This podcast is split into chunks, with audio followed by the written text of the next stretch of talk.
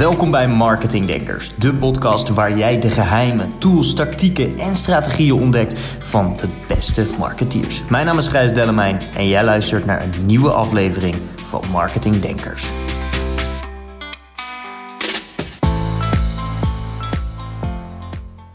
Oké. Cool. Wat goed dat je erbij bent bij een nieuwe aflevering Marketingdenkers. Vandaag een hele bijzondere gast. Iemand die bedrijven, die, die trekt hij aan als KLM, IAP, Telegraaf, Mediagroep, nationale positie. En natuurlijk ook uh, mensen, iemand die meer dan 50 TEDx-evenementen heeft georganiseerd. Een Amazon bestseller heeft geschreven. En betrokken is bij echt talloze goede doelen. Dames en heren, rasondernemer en goede vriend Jan Schelen. Wat goed dat je hier bent. Gijs, ik ben helemaal weggeslagen door die heerlijke introductie. Eh. Dankjewel. Ja, fijn dat je tijd wil maken. Voor, voor de mensen die, die nog niet van jou gehoord hebben, kan je wat meer vertellen over wie je bent, wat je doet? Ja, uh, zeker Gijs. Nou, ik ben, uh, ben dus Jan Schelen, 32, kom uit, uh, ik woon nu een beetje in Maastricht. ik zit veel in Eindhoven, Amsterdam met, met kantoor. Um, ik, heb, ja, ik ben om mijn dertiende begonnen met het bouwen van websites. Dat heb ik uitgebouwd door tot een, uh, zoals dat mooi zeggen, een uh, digital strategy firm. Um, ontzettend veel leuke projecten, echt uh, adviestrajecten, maar ook ontwikkelingstrajecten en dergelijke. Um, nou, waar we vandaag ook in deze podcast voor zitten, dat is een andere uit de hand gelopen hobby. op de middelbare school begonnen met het organiseren van klassenfeesten. En um, daarna van het een en het ander gerold. En zoals je al aangaf, TED-events. Toen mhm. dat begon, toen TED eh, begon met het uitgeven van uh, licenties, zogenaamde TEDx-licenties, uh, toen ben ik eigenlijk direct mee begonnen. En ja, van het een komt het ander, van het ene evenement komt het andere evenement. En ja, uiteindelijk ben ik dat eens gaan tellen en gaan bekijken. En is de teller op 50 gekomen wereldwijd. Dus dat, dat, is erg leuk. En dat, ehm, dat nu in het, ja, ook uh, daar iets uh, zakelijks van gemaakt. Uh, heel veel bedrijven en organisaties die me vragen van hey, help ons mee om een, een TED-saus over ons evenement te gooien. Om een evenement digitaal neer te zetten. Nou, noem het allemaal op. Dus ja, dat is een beetje waar ik nu mee bezig ben. Gaaf. En, en wat vind jij de TED-saus voor veel bedrijven dan? Hoe zou jij dat omschrijven? nou, een paar hele belangrijke elementen. Ik denk als eerste is dat je gaat kijken naar het programma zelf. He, dus in mhm. plaats van uh, 1, 2, 3 hele lange sprekers, hè, dus sprekers die meer dan een half uur gaan praten, um, dat je veel kortere snacks, die content snacks inbouwt. Dus dat je er echt voor zorgt dat, uh, daar is het ook mee begonnen, 18 minuten maximaal, dat iemand mag spreken. Gebaseerd op wetenschap, omdat daarna dan zie je eigenlijk dat de attention span dat die, uh, heel erg naar beneden gaat. Uh, dus veel kortere, intensievere talks ook grotere variëteit in het programma. Uh, zang, dans, andere leuke elementen. Hè. Echt voor zorgen dat het programma veel uh, diverser en rijker is. Um, een andere kant waar we altijd aan werkten was niet alleen een standaard event. wat ons echt onderscheidde was dat wij een beleving neerzetten.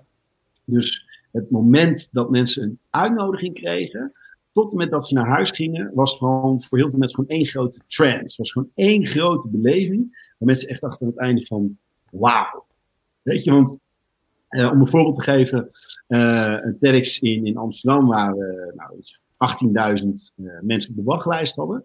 Maar ik zie wel van, nee, maar de filmpjes die komen een week later, sterker nog, die komen twee dagen later gratis op YouTube te staan waarom zouden mensen dan überhaupt naar, uh, naar de stad Schouwburg willen komen, hè, om een vrijdag op te offeren, als ook in hun tijd films komen kijken. Maar wat je toch altijd terugkreeg was voor heel veel mensen gewoon de, de totaalbeleving. Hè. Gewoon die, echt die hele mooie totaalbeleving door de dag heen. En dat, uh, ja, dat is, dat is gewoon denk ik in mijn optiek die twee elementen, dat is wel hoofdzakelijk de, de TED-saus, zoals dat ze mooi zeggen. En, en, nu leven we natuurlijk in een, een, een, tijd, en nu ga ik een zin noemen, die, die de afgelopen maanden om je oren gegooid is, zullen maar zeggen. Maar we leven in een hele bijzondere tijd. En, en, en we, hebben, we hebben elkaar eerder aan de telefoon gehad en toen spraken we hier over.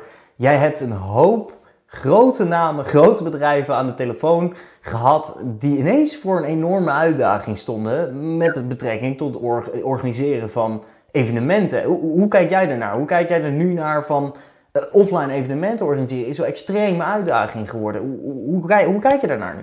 Ja, Nou, het is natuurlijk een uitdaging. Wat je zegt, een andere mooie term die je niet meer kan, uh, kan horen, is uh, de nieuwe werkelijkheid. Um, ja, wat je, natuurlijk ziet, uh, is dat tweeledig. Enerzijds zie je veel organisaties. En dat varieert echt van, nou, ik werk voor, multinationals tot overheden tot politieke partijen, echt het hele spectrum.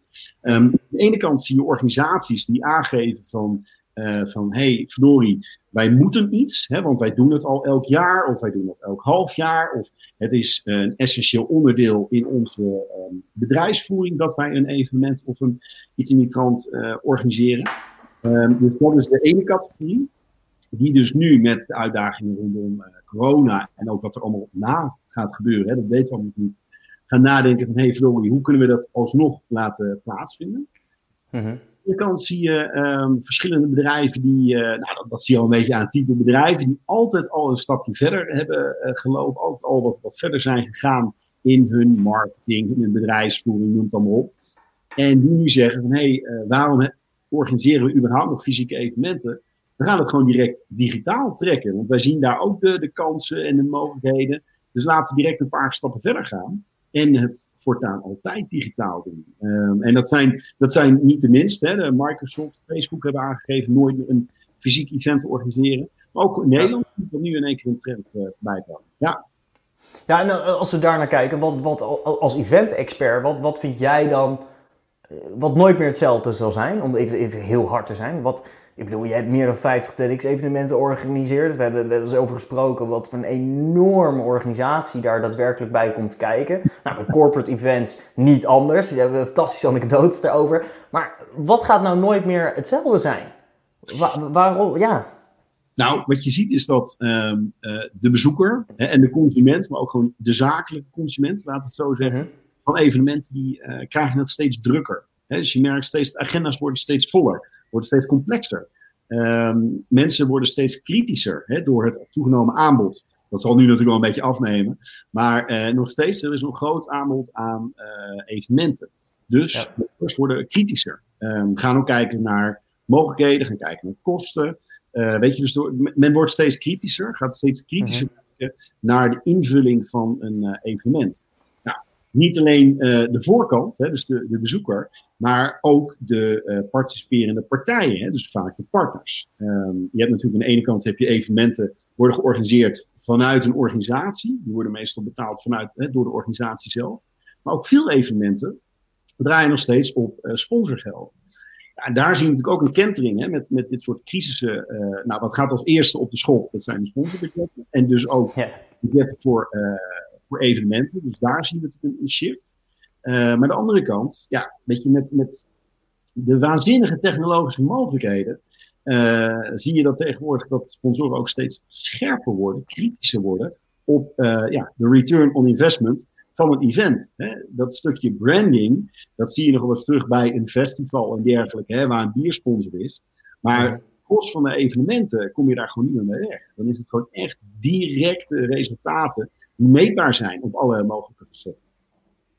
En, en, als we nou kijken naar, naar events die jij bezocht hebt, zeg maar. Van alle events die jij bezocht hebt, wat ga jij dan het meest missen? Ik bedoel, jij, je hebt een hele bak met fantastische verhalen erover. Maar heb je een tof verhaal dat je wilt delen met de mensen die kijken en luisteren? Nou, het grappige is dat uh, ik zie nu met heel veel verschillende uh, organisaties constant uh, de hele week te spannen. Hè, van wat kunnen we doen online qua evenementen, qua congressen. En dat varieert echt van, van een multinational tot uh, een overheid, tot een museum, nou, noem het allemaal op. En het grappige is dat er is eigenlijk maar één ding waar we steeds op terugkomen. Eén ding, nou, laat ik ze heel eerlijk zeggen, twee dingen. Er zijn twee dingen die, uh, waar we nu steeds op uitkomen, die digitaal nog niet uh, te faciliteren te zijn, zeg maar. En dat is als eerste, dat noemen ze zo mooi de hallway conversations. Stel, wij gaan samen naar het, het toilet, of nou, samen, we gaan allebei naar het toilet en uh, daar komen we elkaar toevallig tegen. Nou, heel eerlijk, ik heb dat bij een aantal hele mooie evenementen de afgelopen tijd, afgelopen jaar gehad. En dat zijn toch wel de meest bizarre ontmoetingen. Mensen die je gewoon ja. spreekt bij, bij het uh, buffet, aan de catering, noem het allemaal op, bij de toiletten. En daar komen soms hele leuke dingen uit. Nou, dat is nummertje één natuurlijk, wat, wat je niet online gaat faciliteren. Uh, ik heb laatst een, uh, drie weken geleden een heel groot congres online, 3000 man, ja, daar hebben we ook gekeken. Daar keken we ook van, nou, hoe, hoe kan je dat faciliteren? Ja, dat is, dat is onmogelijk. Hè. Dat is, je hebt wel hier en daar wat leuke apps en trucjes, maar dat is, dat is gewoon nog niet te doen. Ja, en een tweede waar we het over hebben gehad, dat is, dat is een stukje beleving. Ehm, dat is, dat is bij, bij TEDx proberen we altijd, als we naar het programma kijken, ervoor te zorgen dat mensen echt ook emotioneel helemaal met een rode lijn, zeg maar, door zo'n programma heen uh, werden meegenomen. Weet je, zo'n, nou, ik wil niet zeggen in een trance raakt, maar wel gewoon dat ze een beleving kregen. Weet je, dat, dat de ene moment hadden ze brok in de keel, de andere keer stonden ze te juichen, uh, de andere keer uh, tranen uit de ogen. Nou, noem het dan op, echt gewoon die emotie. En dat is ook iets, die hele beleving, zeg maar, dat je ergens rond loopt en dat je geniet van de ruimte, dat je, dat je geniet van, van geuren, van noem het maar op. Dat is ook nog iets wat best wel lastig uh, digitaal te faciliteren is. Nu zie je wel al op uh, virtual reality gebied dat daar hele gave stappen worden gemaakt. He, dus dat je digitaal al uh, belevingen kan, kan zien. Hè. Dus wat je nu bijvoorbeeld bij South by Southwest zag, was dat um, een partij als McDonald's dan kan je gewoon door middel van virtual reality uh, kon je door een, uh, een, een 3D Happy Meal box lopen en dan hele leuke experiences doen. Super vet. Ja, dus heel tof. Gebeurt al wel. En je hebt natuurlijk uh, eh, 8D geluid, zijn we nu mee bezig. Hè? Een totaal andere beleving van geluid. nou, je hebt natuurlijk ook wel, dat zien we een beetje bij bepaalde bioscopen terug. Die gaan zelfs wel werken met, met, met geuren en dat soort dingen allemaal. Dus dat komt. Maar dat is natuurlijk nog niet voor de, wat gezegd, huistuin- en keuken seminars. Dus dat zijn dingen die, um, ja, die eigenlijk nog niet uh, kunnen. Uh, ja, en, en, en wat denk jij nou dat, dat het, het, het verlaagt een drempel ook extreem natuurlijk voor bedrijven om een online evenement te organiseren. Want een, een offline evenement organiseren is natuurlijk ontzettend kostbaar. Hè? Er komt enorm veel bij kijken. Maar je ziet nu, eh, over, je noemde het net al even kort, die aandachtspannen van mensen. Wat ik, ik, ik zie elke dag krijg ik wat twintig uitnodigingen voor, voor nieuwe webinars. Maar wat zijn een aantal elementen waarvan jij zegt: oké, als je een evenement gaat organiseren, dit zijn een aantal zaken waar echt iedereen op moet letten. Want laten we heel eerlijk zijn: iedereen kan nu hier met, met deze software of met Zoom of met Skype of whatever voor een tool je gebruikt, kan iedereen letterlijk vanuit zijn woonkamer nu een online uh, conferentie beginnen. Of, toch niet? Ja, is grappig dat je dat zegt. Um, inderdaad, ik krijg ook al die uitnodigingen. En uh, kijk, aan de ene kant prachtig, weet je. Ik bedoel, ik, ik zit gewoon te genieten van, uh, van de waanzinnig mooie content die nu in één keer heerlijk zo uh, door het laptopscherm uh, naar mij toe komt. En ook Absoluut. vaak als free of charge, weet je, gewoon gratis. Ja, geweldig. Maar wat jij zelf ook aangeeft, hè, waar zit het grote verschil als eerste met even een webinartje en een event? Nou, dat is echt een doordagprogramma. In mijn optiek een webinar is even één, twee, drie personen die via een cam uh, mensen toespreken. Hè, die gewoon even over een bepaald topic mensen bijpraten. Een online event is in mijn optiek gaat wel een paar stappen verder. Hè, dan ga je ook echt nadenken over, nou, als eerste uh, de klantreis. Wat heel veel mensen vergeten is dat, uh, als je het hebt bijvoorbeeld over ja, het offline trekken, of het online trekken van een offline event, ja, daar gaan al heel veel organisaties de fout in. Die denken van, nou weet je, we gaan iets wat altijd offline was, dat zetten we nu wel even online neer. Maar precies wat je ook al zegt, hè, een stukje aandachtspannen. Mensen gaan niet nadenken over van, hé, hey, maar hoe ziet dan die klantreis er online uit? Want inderdaad, je kan prima een dagdeel in een zaal zitten, maar meer dan anderhalf uur naar een scherm kijken, ja, dat is, dat is lastig. En dan moet je ja, en, en, sorry dat ik onderbreek, maar dat, dat je, dat, precies wat jij nu zegt, vind ik wel een hot topic. En ik weet dat het voor een hoop marketeers ook wel echt een uitdaging is. Omdat je eh, eh, naar een scherm kijken is leuk, maar ik heb toch altijd binnen handbereik dit apparaatje.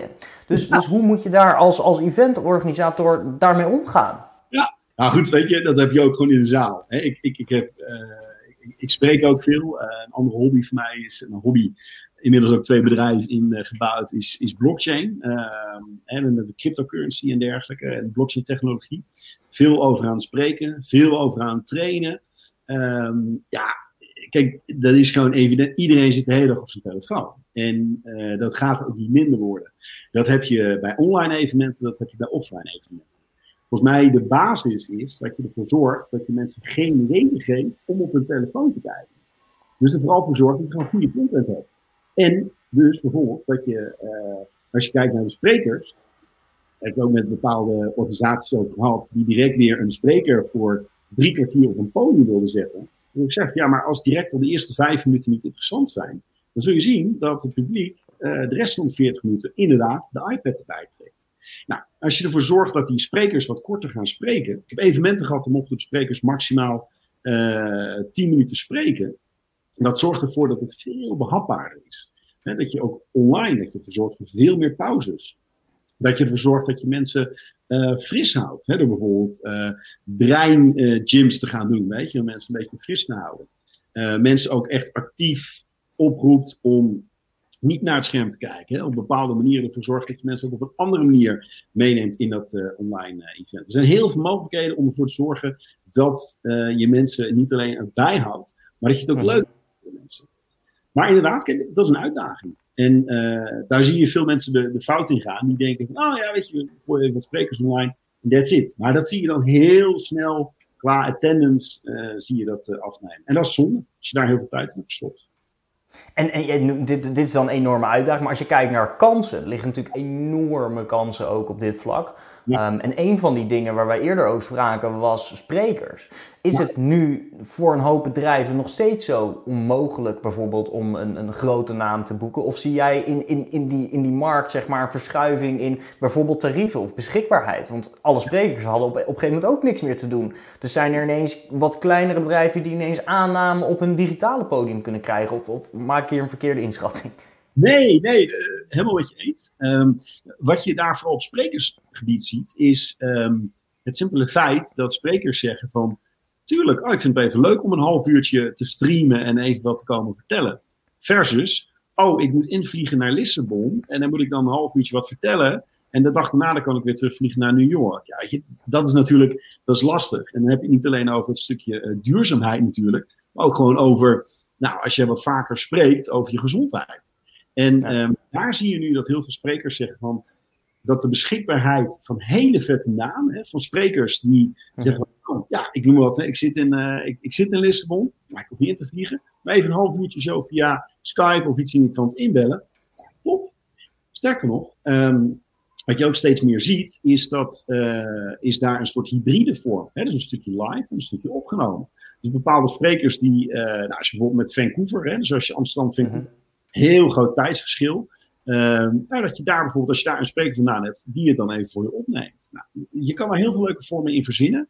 En uh, je merkt dat daar qua sprekers, dat sprekers daar ook veel enthousiaster over zijn. Uh, Al is het maar omdat je meestal bij online evenementen ziet dat er heel veel meer mensen aanhaken. Tenzij er natuurlijk een specifieke community is, hè, of een groep binnen een organisatie.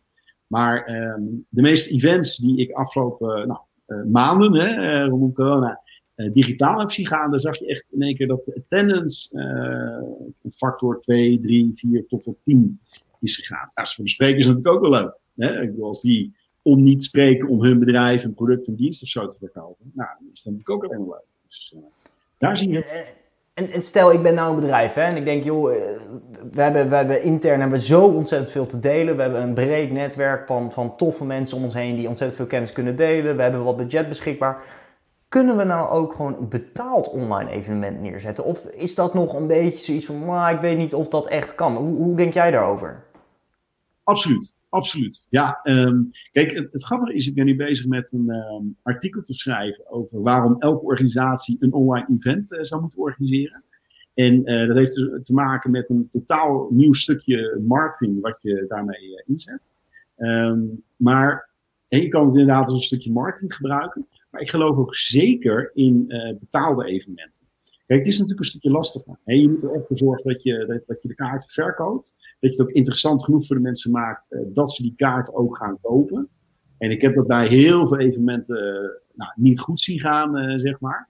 Um, al is dat ook wel meestal omdat ze een hele grote overheadkosten hadden. En ja, weet je, als je ticketing dan achterloopt en de sponsoren ook niet direct het eerste jaar allemaal aanhaken. Ja, dan, dan gaat het wat lastiger. Um, maar je kan in mijn optiek gewoon voor bepaalde content, kan je gewoon prima een bepaald bedrag vragen. Uh, weet je, kijk, je kan nu, in mijn optiek kan je voor online evenementen kan je niet meer de, de duizenden euro's vragen die je soms voor een fysiek evenement kan vragen. Maar, -hmm. En waarom is dat? Waarom is dat? ja, kijk, als je die 1000 euro's, dan verwacht je natuurlijk wel iets meer. Hè, qua, qua show en qua catering en qua locatie, qua beleving, dat soort zaken allemaal. Um, Kijk, corporate, hè, als jij gewoon, ik noem wat, 10 mensen naar een bepaald evenement stuurt en die tickets zijn 2k per stuk, dan zie je ook wel uh, waarom die tickets normaliter 2000 euro per stuk zouden moeten kosten. En uh, zie je ook wel dat dat hè, op, op online vlak dat dat uh, niet noodzakelijk is. Dus um, in mijn optiek is het daarom bijna onmogelijk om dat digitaal zeg maar eenzelfde prijs te vragen. Maar nog wel steeds mogelijk, zeker om een prijs te vragen. Je maakt er denk ik ook, um, het is heel grappig, er is een hele mooie quote van, uh, of een quote, uh, een interview met uh, Seth Godin, nou, grote markt. -hmm. En die zei ook van, het interessante is dat 95% van de e-courses wordt nooit afgemaakt. En wat je vaak ziet is dat mensen, omdat iets gratis is, dan komen mensen al, nou, het over klantreis, met een bepaalde verwachting binnen van ja, nou, even kijken, weet je, het zal wel niks zijn. En dan heb je al een bepaalde start van een evenement. Ik kan me voorstellen, als jij direct, uh, als je een bepaalde prijs vraagt, weet je, dan uh, schud je de mensen af die zoiets hebben ja, weet je, ik denk niet eens wat interessant is. Zorg er ook echt voor dat de mensen die komen, dat die, dat die dedicated zijn aan jouw uh, evenement. dus ik zie daar wel echt een duidelijke scheidslijn. Ik nogmaals, het zal een stuk moeilijker worden om, um, om een bepaald bereik te krijgen, om genoeg mensen aan te, te haken. Vooral wat jij net zegt, door de grote uh, stormloop aan heel veel gratis webinars die er zijn. Maar aan de andere kant, ik zie genoeg bedrijven, organisaties die dat gewoon succesvol toepassen. En die daar hele mooie programma's en evenementen neerzetten. Zeker, ja. En nog even terugkomen op, op hetgeen wat jij net noemde van het, het, de, de online events, hè, of tenminste de, e-courses die niet afgemaakt worden. Dat zien we bij klanten ook. Wat we bij een aantal grotere, grotere klanten zien die echt wel op schaal online trainingen verkopen. Um, wat veel mensen aan de voorkant niet zien, is dat het best wel een dilemma is. Hè? Want echte ondernemers die, die, die, die willen maar één ding en dat is resultaat behalen voor hun klanten natuurlijk. En wat wij best wel zien is dat er een groot percentage cursussen nooit afgemaakt wordt. En dan denk je, ja, maar dat is toch leuk, want die mensen betalen toch en dat is prima. Maar zo prima is dat niet, blijkt in de praktijk, omdat je ziet dat veel mensen het niet afmaken en dus geen resultaat behalen. En dat kan in reviews nog best wel iets, iets opleveren. Dus dat is een leuk, leuk zijbruggetje, maar dat is wel echt een, een hele, hele belangrijke. Hey, en als we nou kijken naar het verlengde van, van marketing, event marketing. Wat zijn nou, hè, je, je hebt een, een bak met ervaring. Wat zijn nou een aantal elementen, of het nou offline of online is, die, die marketeers volgens jou niet mogen vergeten bij promoten van een evenement? Nou ja, er zijn een aantal basics uh, die, die, uh, die uh, te vaak vergeten worden. Kijk, als eerste, heel simpel, is gewoon de juiste content delen. Is de juiste content over het programma. Wat kunnen mensen verwachten? Um, eerdere edities, sprekers die komen, nou, et cetera, et cetera. Gewoon echt content over de content van het programma. Vinden mensen belangrijk? Vinden mensen belangrijk om te zien? Um, een tweede element, nou je geeft het net aan, wat je gewoon ziet is dat, dat, weet je, we leven in een tijd waar zo waanzinnig veel gave tools beschikbaar zijn om mensen heel specifiek te benaderen om jouw evenement, zeg maar, om, om, onder de aandacht te brengen. Retargeting, conversatiefunnels, nou noem het allemaal maar op. in mijn optiek de tijd van simpel een aantal berichtjes posten op Facebook en dan maar afwachten wat de toekomst doet die is voorbij. Um, ja. dus je ziet met, met Google Ads, met Facebook, met Instagram Ads. Nou, ik, ik, elke keer weer, elke dag weer, als ik daarover lees wat de mogelijkheden zijn om mensen heel specifiek te targeten en op die manier zeg maar in een funnel binnen te trekken om of natuurlijk gratis in te schrijven of een ticketje voor 50 euro, whatever de prijs mee doet, te koop. Ja, waanzinnig. Kijk, bij TED hadden we altijd de mazzel dat wij, we hadden een brand, we hadden gratis tickets dus um, dan, dan, zag je gewoon een bepaalde stormloop. En wij deden daar een soort, uh, ja, noemen de, de Red Rope Policy. He, dus maak het zo moeilijk mogelijk voor mensen om binnen te komen. He, de Red Rope bij een club. Dus hoe langer de rij, hoe meer mensen in die rij gaan staan. Dus, dat is natuurlijk heel bizar. Je ziet het wel zo gebeuren. En nou, ik zeg, we hebben TEDx gehad waar duizenden mensen op de wachtlijst uh, um, dus dat was een luxe uh, probleem, zeg maar. Daar, we eigenlijk nooit, hoefden we nooit dit soort retargeting dingen te gaan, uh, doen.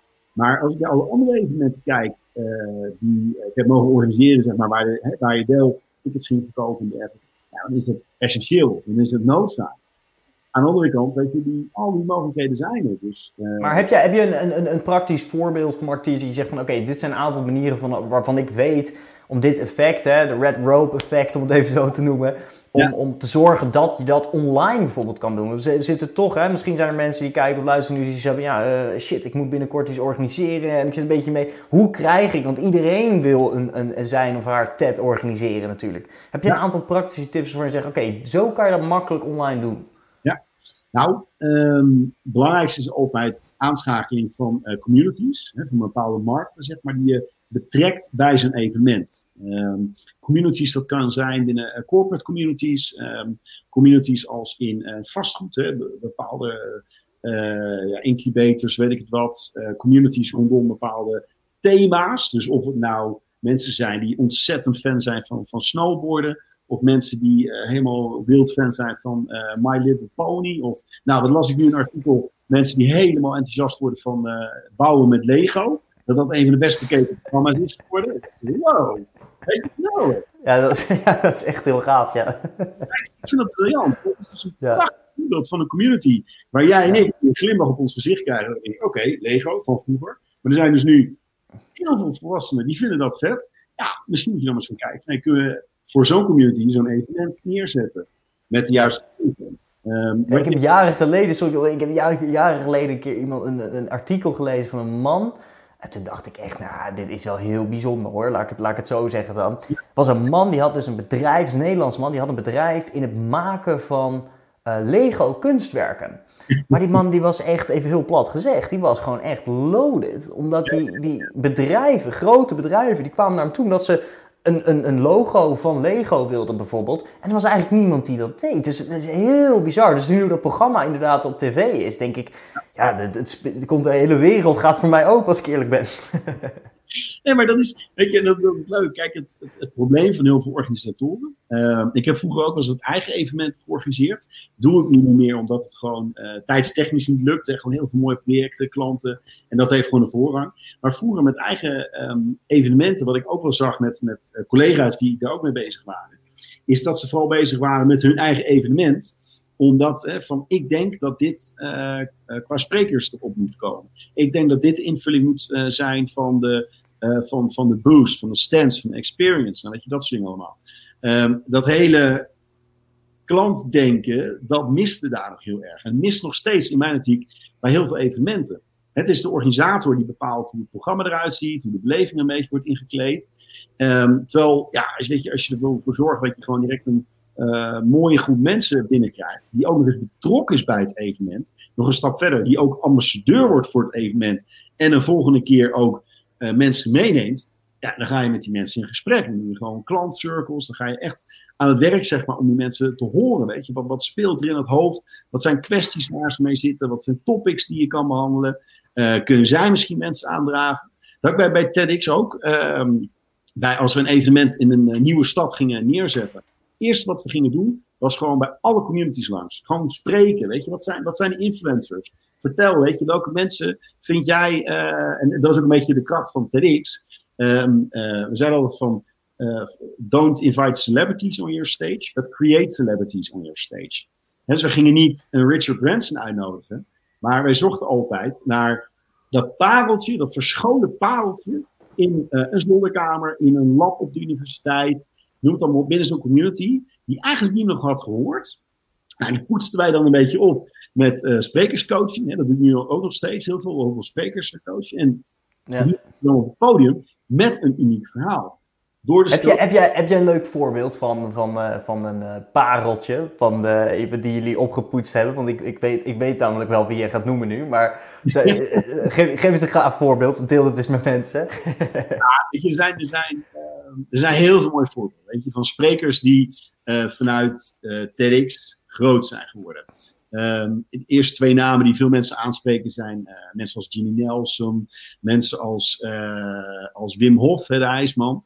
Maar mijn, mijn, mijn persoonlijk mijn favoriet, dat is, is Bart Knols. Dat is de, de viroloog, iemand die woonde dicht bij Maastricht.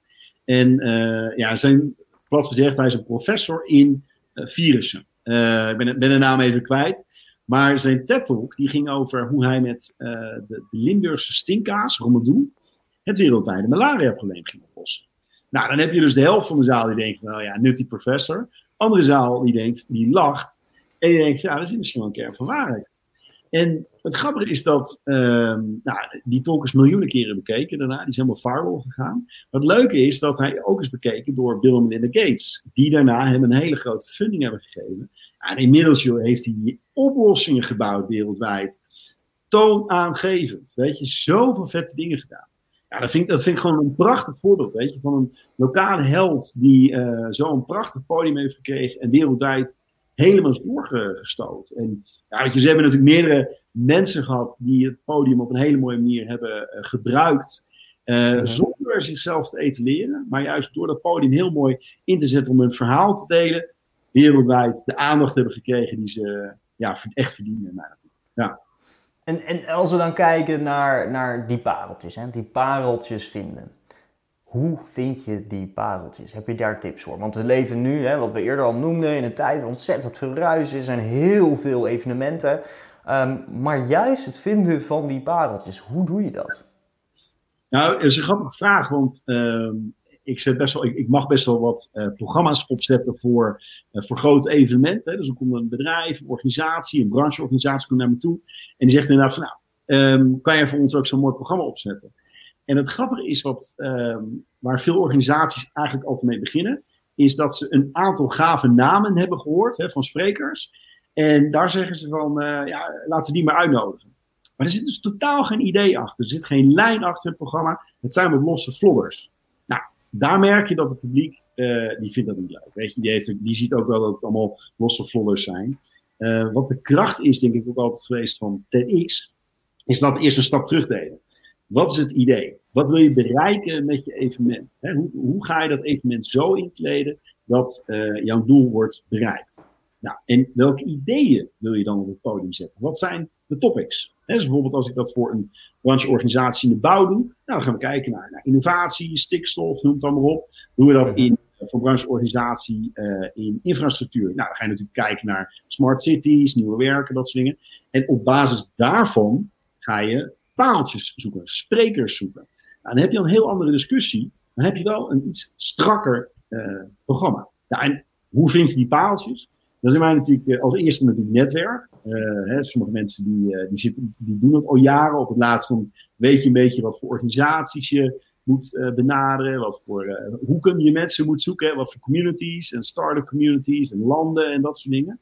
Ehm, heel veel lezen natuurlijk. Ik lees heel veel en daardoor uh, zie je heel veel leuke dingen voorbij komen. Dat, je, eh, dat, sla je op en denk je, oh wacht, het kan voor dat evenement leuk zijn, et cetera. Maar, wat ik ook net zeg, um, communities ingaan. Echt communities ingaan. Gewoon met mensen gaan spreken. Gaan aangeven, nee, luister, ik ben bezig met mobiliteit. Uh, wat gebeurt er op dat vlak bij jullie? Wat zijn de rising stars? Nou, et cetera. En op basis daarvan komt er uiteindelijk een mooi programma. Ja. Gaaf, gaaf. Mooie tips. En, en als we kijken naar jouzelf en, en alle prachtige bedrijven en mensen die je mag helpen, wat zijn jouw volgende stappen? Nou, het, het leuke is dat, uh, ja, het, het, we leven natuurlijk nu in een hele uitzonderlijke tijd. Uh, mm-hmm. Veranderingen gaan heel snel.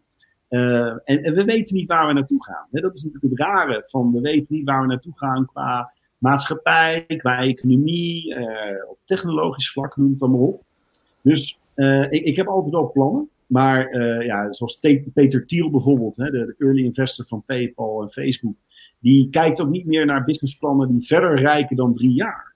En ik heb daar zelf ook voor mezelf altijd zo'n beetje een ideologie in gehad. Um, mijn, mijn mooiste, de mooiste dingen in mijn leven, de meest gave dingen die er gebeuren op zakelijk gebied, die zijn altijd totaal uh, onverwacht. Uh, die komen op je pad, nou, die moet je zien, die moet je grijpen en die moet je direct inspelen. Um, en dat zie je denk ik ook een beetje het geval nu met, uh, met, met wat zijn nu de volgende stappen qua corporates. Uh, nou, ik, ik had, niemand had corona zien aankomen. Hè? Ik bedoel, en, en ja, wie weet, uh, we, hebben nu, we hebben nu een vleermuis in China. Nou, misschien hebben we volgend, volgend jaar een aap uit Brazilië die in één keer virus We weten het niet. Hè? Misschien dat dit voor altijd zo blijft. Kunnen we nooit meer naar evenementen? Hebben we elk jaar een nieuw vaccin nodig? Weet je? We weten het niet. We weten niet wat uh, de wereld gaat uh, zien de komende tijd. Wat gaat gebeuren, ook op sociaal-maatschappelijk vlak. Hè. Je ziet er nu in Amerika wat verbrandhaarden daar ontstaan. Ehm, je ziet heel veel werkloosheid. Nou, moet je eens even kijken wat daar straks allemaal gaat gebeuren. Ook als er weer een tweede golf van corona komt. Wat voor impact het heeft op, op de maatschappij, op de economie, et cetera. Dus ehm, ik ben nu vooral steeds aan het kijken met, met klanten op iets wat kortere termijn. Hè, van uh, welke richting gaan we heen? Nou, digitale evenementen is daar een voorbeeld van. Uh, mijn internetbedrijf zijn bijvoorbeeld heel erg bezig met uh, e-commerce. Gewoon klanten zeggen, die dat ook inzien. Nou goed, e-commerce dat heeft natuurlijk wel de toekomst. Laten we daarop inspelen. Um, ja, en, en, op blockchain vlak, ja, dat is gewoon de nieuwe technologie. Dat is, dat is constant bijbenen. Maar dat is juist, daar zitten we nu juist in die hele grote groeispurt. Dus dat is wat dat betreft, is dat, uh, hè, daar, kunnen we lekker uh, achterover gaan zitten, want dat, blijft lekker doorlopen. Maar uh, ja, ik moet heel eerlijk zeggen, ik ben normaal als ik altijd, dat zeggen heel veel mensen, dat je lange termijn plannen en dergelijke moet maken. Maar ik denk dat dat, um, dat corona ook heeft laten zien dat heel veel mensen gewoon een strategie in de prullenbak kunnen gooien. En vooral even kijken naar waar liggen nu de kansen? Weet je? Waar kunnen we nu dingen aanpassen, verbeteren, opnieuw op de markt zetten? En, uh, Absoluut. Ja, ja, ja, denk ik ook. En als je nog een laatste woord mag richten aan uh, alle marketeers die nu kijken of luisteren, wat, wat zou je dan zeggen omtrent uh, event marketing, vooral gericht op de online events? Nou, het grappige is, um, wat je ziet met de marketing, hè, is dat, is heel mooi hoe dat is geëvalueerd. Hè, van, van de standaard advertenties in de krant en op de televisie naar veel meer uh, digitaal. Hè. Als je kijkt wat, wat, wat Google en Facebook, die gewoon de, grootste adverteerders wereldwijd, hoe die volledig die marketingkant, uh, de marketingbudgetten hebben, hebben overgenomen. En wat je nu ziet uh, gebeuren is dat door, door de overvloed aan, aan content, hè, als ik wel spreek hierover, dan zeg ik altijd van het surfen op het internet, dat lijkt net alsof je een brandkraan in je mond steekt. Gewoon zoveel komt er op je af. En jij geeft een voorbeeld van, van, uh, van, van webinars die in grote mate naar je toe komen. Ja, gaat op Facebook, op Instagram. De gemiddelde Nederlander heeft inmiddels uh, 8,2 social media kanalen. Nou, je al die kanalen de hele checken, zoveel content. Dus wat ik merk is dat heel veel mensen ook tegenwoordig uh, content moe worden. Dat mm -hmm. steeds grotere uitdaging is om met die content, uh, en natuurlijk met ads natuurlijk, om de juiste mensen te targeten. Um, een hidden gem, en wat je nu steeds vaker ziet bij organisaties, is dus dat ze online evenementen gaan organiseren. En weet je, dat, zijn dus niet, dat hoeft niet direct hele grote congresachtige dingen te zijn. Maar gewoon hele kleine snippets, hè, dus twee, drie sprekers rondom een bepaald topic. En op die manier ervoor zorgen dat je een heel ander nieuw uh, marketingkanaal uh. Dat is een hele grote trend. Dat zag je al een beetje gebeuren. Hè, de afgelopen twee jaar ook voor verschillende organisaties op die manier een uh, hybride evenementjes georganiseerd.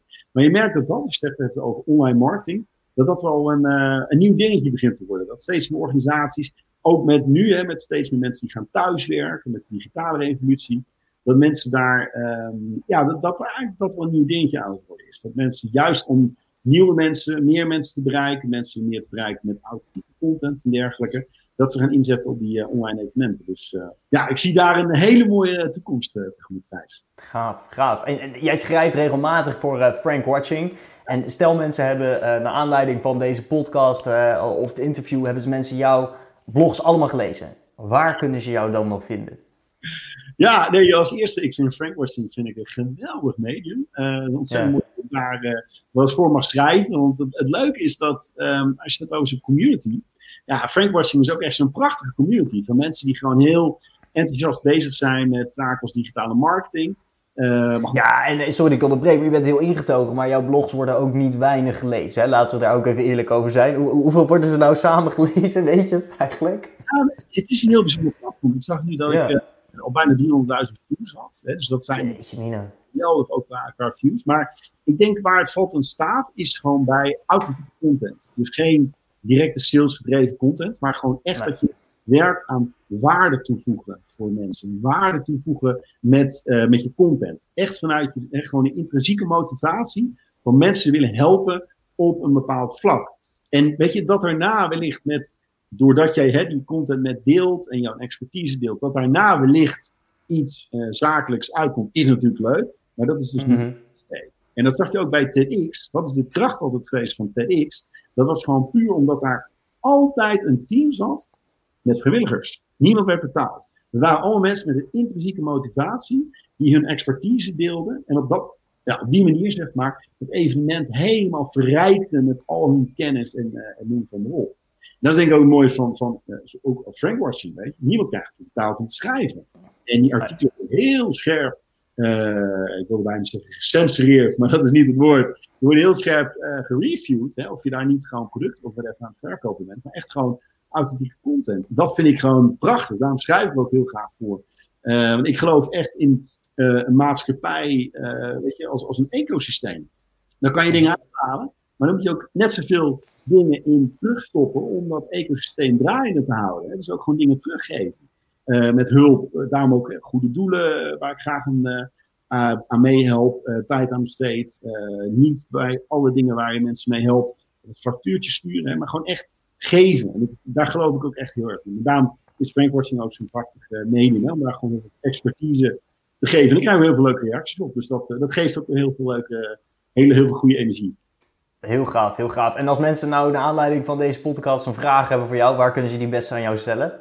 Nou, altijd leuk mensen toevoegen op LinkedIn. Uh, weet je, dat is ook het makkelijkste. Ik heb, ja, dat staan op alle bedrijven, er staan contactformulieren, dat is natuurlijk het makkelijkste. Uh, LinkedIn, dat komt allemaal in dezelfde mailbox uh, terecht. Dus we weten het altijd, altijd te vinden, Gijs. Ja. Helemaal goed. Jan, ik wil je voor vandaag ontzettend bedanken voor je tijd en hopelijk tot snel.